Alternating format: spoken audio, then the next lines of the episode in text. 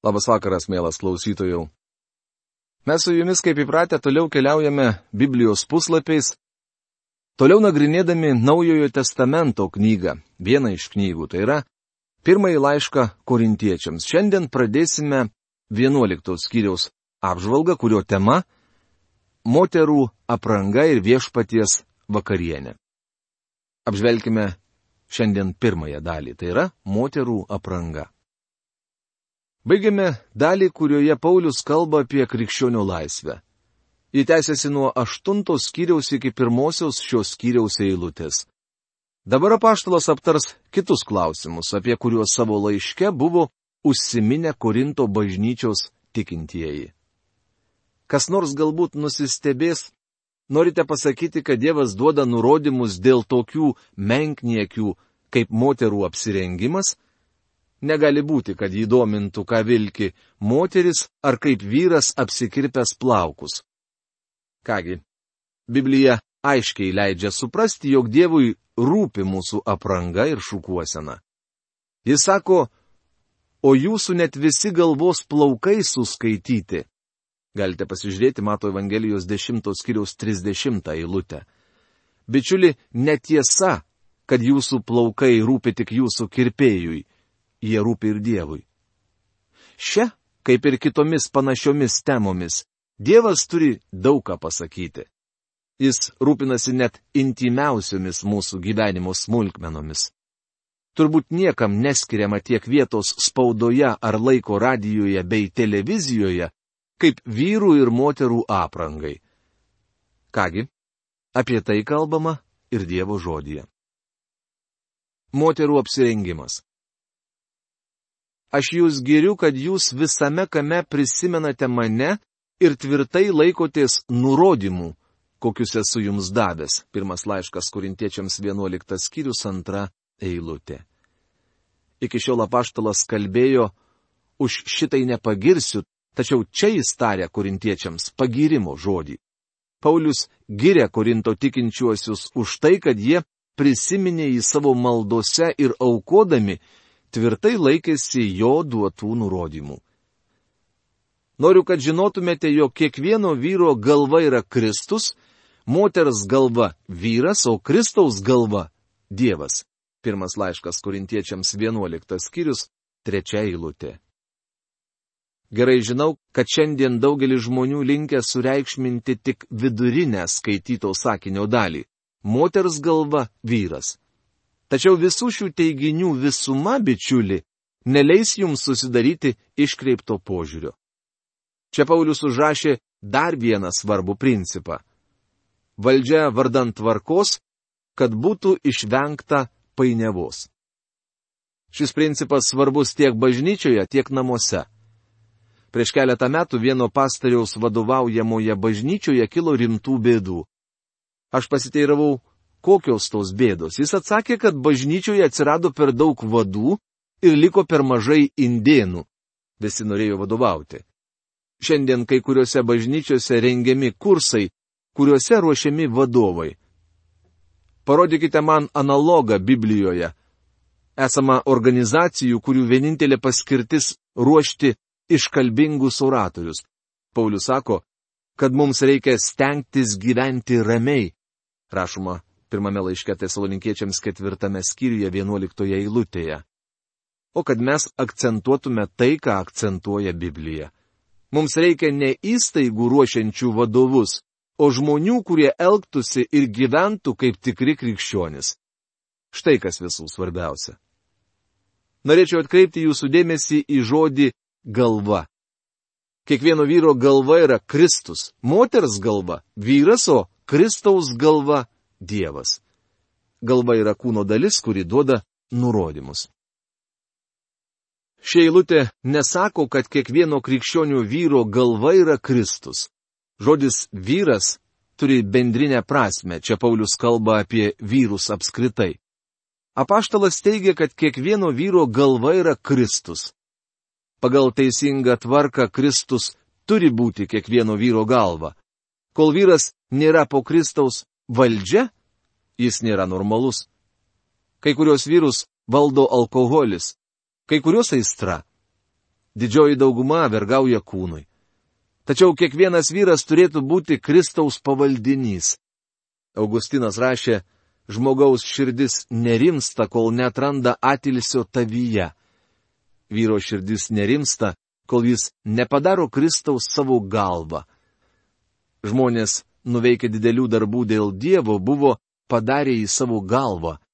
Tiek Martinas Liuteris, tiek Viberforsas, tiek Augustinas buvo pasileidėliai, kol netapo Kristaus pavaldiniai. Šiandien apie vyrų sakoma, jis krikščionis. Ar jo galva Kristus? Štai kas svarbiausia. Būtent tai čia sako Paulius. Moters galva - vyras. Graikų kalboje prie žodžio vyras nėra artikelio. Kalbama apie bet kokį vyrą. Taip pat pastebėkite, kad nesakoma kiekvienos moters, kitaip tariant, nesuabsoliutinama. Čia Paulius turi omenyje santoką, kai moteris turi pasiduoti vyrui. Normalu, kad žmona turi klausyti savo vyro. Jei moteris negali žiūrėti į vyrą su pagarba, neturėtų jo sekti ir jo labiau už jo tekėti. Tikra moteris visa savo esybe pasiduoda mylimam vyrui vyras savo ruoštu turi būti pasirengęs už ją numirti. Jūs vyrai mylėkite žmonas, kaip Kristus mylėjo bažnyčią ir atidavė už ją save. Rašo tas pats apaštalas Paulius Efeziečiams laiško 5 skyriaus 25 eilutėje. Daktaras Campbellas Morganas pasakoja apie vieną pažįstamą moterį, jo šeimos draugę. Ji buvo stipri, išskirtinė asmenybė, bet netekėjusi. Kartą daktaras Morganas uždavė šiai moteriai tiesų klausimą. Kodėl tu taip niekada ir neištekėjai? To jie atsakė, neradau vyro, kuris galėtų mane užvaldyti. Taigi ji liko netekėjusi. Turiu pasakyti, kad moteris padarytų didelę klaidą, ištekėdama už pirmo pasitaikiusio. Nuo tos dienos jos gyvenimas virstų vargo vakarienę. Kristaus galva - Dievas tai didis slėpinys. Jėzus kalbėjo, aš ir tėvas esame viena. Bet taip pat sakė, nes tėvas už mane aukštesnis. Atpirkimo darbe Jėzus Kristus savanoriškai prisėmė žemesnę padėtį ir tapo žemesniu už angelus. Jis nusižemino. Mes esame raginami, būkite tokio nusistatymo kaip Kristus Jėzus, Jis turėdamas Dievo pavydalą nelaikė grobiu būti lygiam su Dievu, bet apiplėšė pat save, priimdamas tarno pavydalą ir tapdamas panašus į žmonės. Jis ir išorė tapo kaip visi žmonės, rašoma Filipiečiams laiško antros kiriaus penktoje, septintoje eilutėse. Dabar Paulius pritaikys šį vadovavimo principą situacijai Korinte. Tame mieste neapsigobusios buvo tik prostitutės situacija jūsų bažnyčioje ar visuomenėje gali skirtis nuo situacijos kurinte. Tačiau čia užrašytas principas taikytinas ir šiandien. Kiekvienas vyras, melzdamasis ar pranašaudamas apdengtą galvą, paniekina savo galvą. Pirmas laiškas korintiečiams 11 skyrius 4 eilutė. Anomis dienomis rabinai mokė, kad vyras privalo apdengti savo galvą. Paulius sako, kad iš tikrųjų jie neteisingai aiškino, kodėl Mozė buvo užsileidęs ant veido gobtuvą. Ne kaip Mozė, kuris ant veido užsileisdavo gobtuvą, kad Izraelio vaikai nepamatytų jo laikino spindesio pabaigos, rašoma antrame laiške korintiečiams trečios skyriaus tryliktoje eilutėje. Čia paminėta tai, ką Mozė patyrė, nusileidęs nuo kalno, ant kurio kalbėjusi su Dievu. Izraelio vedliui tik nusileidus nuo kalno, jo veidas spindėjo, tačiau po kurio laiko ši šlovėjami blėsti. Taigi Mozė užsidengė veidą, kad Izraelio vaikai nematytų, jog šlovė blėsta. Žiūrėkite išeimo 34 skyriaus 33-35 eilutes. Paulius sako vyrams, kad jie neturėtų apsidengti galvų. Vyrui, sukurtam pagal Dievo paveikslą ir esančiam Kristuje dėl jo atpirkimo, nederėtų dengti savo galvos. Tai simbolizuoja kilnumą ir laisvę. Jis neturėtų apsidengti galvos, kai meldžiasi ar pranašauja. Melsdamasis vyras kalba Dievui žmogaus vardu, užtarė jį. Pranašaudamas Dievo vardu kalba žmogui. Būdamas vienoje iš šių dviejų šventų padėčių jis neturi užsidengti galvos. Ir kiekviena moteris, kuri meldžiasi ar pranašauja neapgopta galva, paniekina savo galvą, tai tolygų būti nuskustai. Pirmas laiškas korintiečiams 11 skyrius 5 eilutė. Anuomet prieš daugelį amžių Korinte vyko moterų išsilaisvinimo judėjimas. Bėda ta, kad jis rutuliuojasi netinkama linkme. Paulius sako, kad vyras neturėtų apsidengti galvos, o moteris turėtų. Noriu atkreipti jūsų dėmesį į žodžius kiekviena moteris, kuri meldžiasi ar pranašauja. Tai reiškia, kad moteris gali viešai melstis, vadinasi ir viešai kalbėti. Žmonės manantis, kad Biblija draudžia moteriams tai daryti klysta. Moteris turi teisę daryti vieną ir kitą, jei tik Dievas yra suteikęs jai tokią dovaną. Beje, kai kurios moteris iš tiesų turi tam dovaną. Aš pažįstu net keletą moterų, kurios yra nuostabios Biblijos mokytojos. Jos atlieka savo darbą geriau už bet kurį vyrą. Kartą vienas pamokslininkas man labai atvirai prisipažino. Mano žmona kur kas geresnė Biblijos mokytoja už mane. Tai patvirtino ir bažnyčios tarnautojas. Jis sakė, kad žmonės daug mieliau klausosi jos negu jo. Minėtoji moteris turėjo mokymo dovaną. Jei jau moteris neapsigobė, tai tegul ir nusikerpa, o jei moteriai gėda nusikirpti ar nusiskusti plaukus, tegul apsigobė. Pirmas laiškas korintiečiams 11 skyrius 6 eilutė. Tai buvo taikytina išskirtinai Korinto moterims. Šiame mieste neapsigobusios būdavo tik prostitutės, bet o daugelis iš jų nusiskusdavo plaukus. Skustagalbės buvo ir Afroditė šventykloje tarnavusios Vestalės. Šios skaistybės įžadus padariusios vaidilutės iš tikrųjų buvo paprasčiausios prostitutės. Taigi prostitutės galvos neapsigobdavo. Tikriausiai kai kurios Korinto bažnyčios moteris kalbėjo, man viskas valia, todėl aš galvos neapsigopsiu. Paulius sako, jog taip elgtis nederėtų, nes gobtuvas simbolizuoja moters pasidavimą Dievui, o ne vyrui. Taigi šis pamokymas buvo duotas konkrečiai Korinto moteriams. Ar tai, kas čia parašyta, taikytina šiandieninėje visuomenėje? Esu girdėjęs, kad nauja skrybėlė moteriai yra savotiškas moralinis pastiprinimas. Viena moteris pareiškė savo vyrui, kas kart, kai mane apima bloga nuotaika, nusiperku naują skrybėlę. Šis atsiliepė, o aš vis galvoju, iš kur turi tiek daug skrybėlių. Kalbant rimtai, nurodymai dėl moteriškos aprangos susijęs su tarnavimu. Jei moteris vadovauja, ji turėtų apsidengti galvą. Kitos naujojo testamento ištraukos suteiks mums daugiau informacijos šiuo klausimu. Aš norėčiau, kad vyrai visur, kur melsis, keltų aukštyn tyras rankas, be pykčio ir nesantaikos.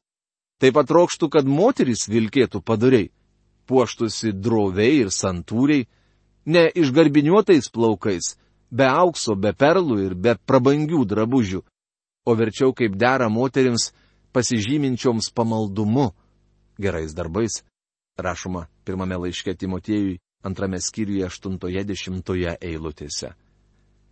Tai reiškia, kad jei moteris vadovaudama tarnavimo metu kelia aukštyn tyras rankas, ji neturėtų savo išvaizdą traukti susirinkusiųjų dėmesio į save. Dar aiškiau kalbant, tai reiškia, kad tarnaujant Dievui moteriai nedėra demonstruoti savo seksualumo. Drauguži, būtent tai ir nori pasakyti Paulius. Moteris anaip tol neturėtų demonstruoti savo seksualumo, beje, tai nepadės jai laimėti Kristui ir savo vyro. Biblijoje ir daugiau kalbama šią temą. Jūs žmonos būkite klusnio savo vyrams, kad tie, kurie neklauso žodžio ir be žodžio būtų laimėti tikėjimui žmonų elgesiu. Tegu puošia jūs ne išorė, šukuosena, aukso gražmenos ar ištaigingi drabužiai, bet žmogaus širdies slaptuma, nesugadinta, švelni ir taikinga dvasia, kuri brangi Dievo akise, rašoma pirmame Petro laiške trečiame skyriuje, pirmoje bei trečioje ketvirtoje eilutėse. Dievas sako, kad žmona negali laimėti Kristui savo vyro seksualumu. Tai nereiškia, kad ji neturi būti patraukli savo vyrui, o tik tai, kad seksualumu moteris niekada nelaimės vyro Kristui. Kai kurios Biblijoje paminėtos moteris pasinaudojo savo seksualumu. Jezabelė, Estera, Salomė. Tuo tarpu Sara, Debora, Ona, Abigailė ir Jėzaus motina Marija šventajame rašte minimos kaip šaunios, nepaprastos, dievo baimingos moteris, kurias Dievas nuostabiai panaudojo. Kai kas pasakyta ir vyrams. O ir jūs vyrai, supratingai gyvendami su moterimis, atsižvelkite, kad jos priklauso silpnesniai lyčiai. Pagerbkite jas, kaip turinčias kartu su jumis paveldėti gyvenimo malonę. Tada jūsų maldos nebus trikdomos, rašoma pirmame Petro laiške trečiame skyriuje septintoje eilutėje. Daugelie šeimų šiandien trikdomos maldos, nes vyras ir žmona nesutarė, kaip turėtų. Dabar Paulius grįžta prie principo, kurį užrašė vyrams ketvirtoje eilutėje. Vyrui nereikia gopti galvos, nes jis yra Dievo atvaizdas ir atšvaitas, o moteris yra vyro atšvaitas. Juk ne vyras padarytas iš moters, bet moteris iš vyro. Taip pat ne vyras buvo sutvertas moteriai, o moteris vyrui. Pirmas laiškas korintiečiams 11 skyrius 7-9 eilutės. Moteris turi būti pagalbininkė vyrui antroji jo pusė. Joks vyras nėra visavertis be moters išskyrus tuos atvejus, kai Dievas suteikia vyrui ypatingos malonės tam tikram darbui. Paklausykite, kas sakoma kitoje eilutėje. Todėl moteris privalo turėti ant galvos valdymo ženklą dėl angelų. Pirmas laiškas korintiečiams 11 skyrius 10 eilutė. Čia randame užuominą apie angelus, kuriuos aš nesuprantu. Manau, kad mus stebi Dievo sukurtos būtybės. Šiame mažame pasaulėlyje mes gyvename tarsi ant scenos ir esame stebimi visos mąstančios Dievo kūrinijos. Šios būtybės mato, kad Dievas yra mylintis, nes puikiai žino, jog mes nesame verti jo meilės. Jos tikriausiai mano, kad Dievas būtų pasielgęs deramai, jei būtų atsikratęs mūsų maištingų kūrinių gyvenančių jo visatoje. Tačiau Dievas to nepadarė, jis mylimus. Dievo meilė pasireiškia jo gelbstinčioje malonėje. Angelai tikriausiai stebisi Dievo malonė ir kantrumu, kurį jis rodo mažam žmogeliui. Bet viešpatie nei moteris, ką reiškia be vyro, nei vyras be moters. Pirmas laiškas kurintiečiams 11 skyrius 11 eilutė. Moteris išlaiko savo vyrą, nes yra moteris. Vyras išlaiko savo moterį, nes yra vyras. Šios santuokos ryšius įsteigė Dievas kuomet tokių ryšių nebėra, paminamas Dievo idealas. Kaip moteris kilusi iš vyro, taip vyras gimsta iš moters, o visa yra iš Dievo. Pirmas laiškas korintiečiams 11 skyrius 12 eilutė. Jie neatskiriami. Vyras ir moteris yra pusrutuliai, o ne rutuliai. Tiek vienam, tiek kitam beprasmiška kalbėti apie išsilaisvinimą. Vyrų reikia moters, o moteriai vyro. Štai kas yra tikroji laisvė šlovinguose santuokos ryšiuose. Spręskite patys. Argi tinka moteriai melstį Dievą neapsigobusiai? Pirmas laiškas korintiečiams 11 skyrius 13 eilutė. Moteris neturėtų patraukti kitų dėmesio į save, kuomet kalba viešpaties vardu, moko sekmadieninėje mokykloje ar meldžiasi. Čia ne vieta seksualumui, bet to moteris turi prisiminti, kad jos seksualumas turi galę pakilėti vyrą arba jį parblokšti. Argi pati prigimtis jūsų nemoko, jog vyrui gėda nešioti ilgus plaukus? Pirmas laiškas korintiečiams 11 skyrius 14 eilutė. Šiais laikais tarp vyrų madinga nešioti ilgus plaukus jaunuoliai, užsiaugindami ilgus plaukus, per kuriuos vargiai įmanoma juos atpažinti, parodo, jog jiems gyvenimas beprasmis. Įdomu, ar tai nėra žingsnis gyvūnijos pasaulio link. Pastebėkite, kad Paulius klausia, argi pati prigimtis jūsų nemoko, jog vyrui gėda nešioti ilgus plaukus? Puikų pavyzdį randame Senajame testamente.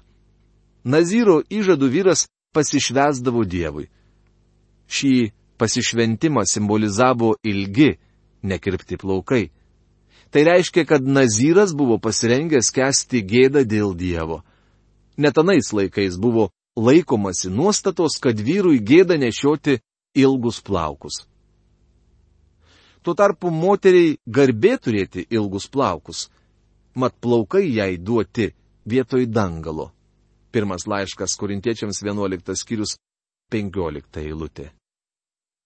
Tiesa, šiandien mes esame laisvi Kristuje. Plaukų ilgis netoks svarbus kaip jų auginimo ar neauginimo motyvas. Daugelis vyrų užsiaugina ilgus plaukus maištingumo ženklan. Tuo tarpu daugelis moterų parodo savo maištingą dvasę, juos nusikirpdamos. Šiandien moralinės vertybės apverčiamos aukštyn kojom atsiranda pavojus nukrypti į vieną ar kitą kraštutinumą ir tapti ekstremistu. Ekstremizmas iššaukia keistą elgesį. Pateiksiu Jums pavyzdį. Viena ponė raginama šeimos apsilankė pas psichiatrą. Šis jos paklausė, kokios bėdos jūs čia atvedė. Moteris atsakė, jiems atrodo keista, kad aš mėgstu tortus. Nematau tame nieko blogo, atsiliepė psichiatras. Ir aš mėgstu tortus. Tikrai? Nudžiugo pacientė. Užeikite kada pas mus į svečius. Turiu prikrovusi jų pilnus lagaminus. Matote, bičiuli, galima būti ekstremistu net atrodytų normaliuose dalykuose. Toliau Paulius sako, kad iš tikrųjų svarbiausia visai nešūkuosena ar apsirengimo stilius. Jei kas dar norėtų ginčytis, te žino, jog nei mes neturime tokio papročio, nei Dievo bažnyčios. Pirmas laiškas korintiečiams 11 skyrius 16 eilutė. Baigdamas Paulius sako, kad bažnyčia neturėtų nustatyti taisyklių dėl moterų apsirengimo ar vyrų šūkuosenus. Visų svarbiausia - vidinis žmogus. Tai senajai prigimčiai reikia patrumpinti plaukus ir aprengti ją teisumo rūbu. Drauguži, jei esame apvilkti Kristaus teisumo rūbu ir mūsų senąją prigimtį valdo šventoji dvasia, tai paveiks ir išorinį žmogų. Graži šukuosena ir apsirengimo stilius nedaug te pakeis. Paulius sako, kad nenustato bažnyčioms taisyklių. Jis paprasčiausiai pasidalina savo nuomonę, kas jam atrodo geriausia. Mums dėlėtų nepamiršti, kad gyvendami krikščioniškoje laisvėje turime galvoti apie kitus ir apie tai, ką jiems liudyjime. Turime vadovautis principais, kuriuos nurodė Paulius - garbinti Dievą ir nepiktinti kitų. Štai šią natą šiandienos laidą noriu užbaigti. Iki malonaus susitikimo. Sudė.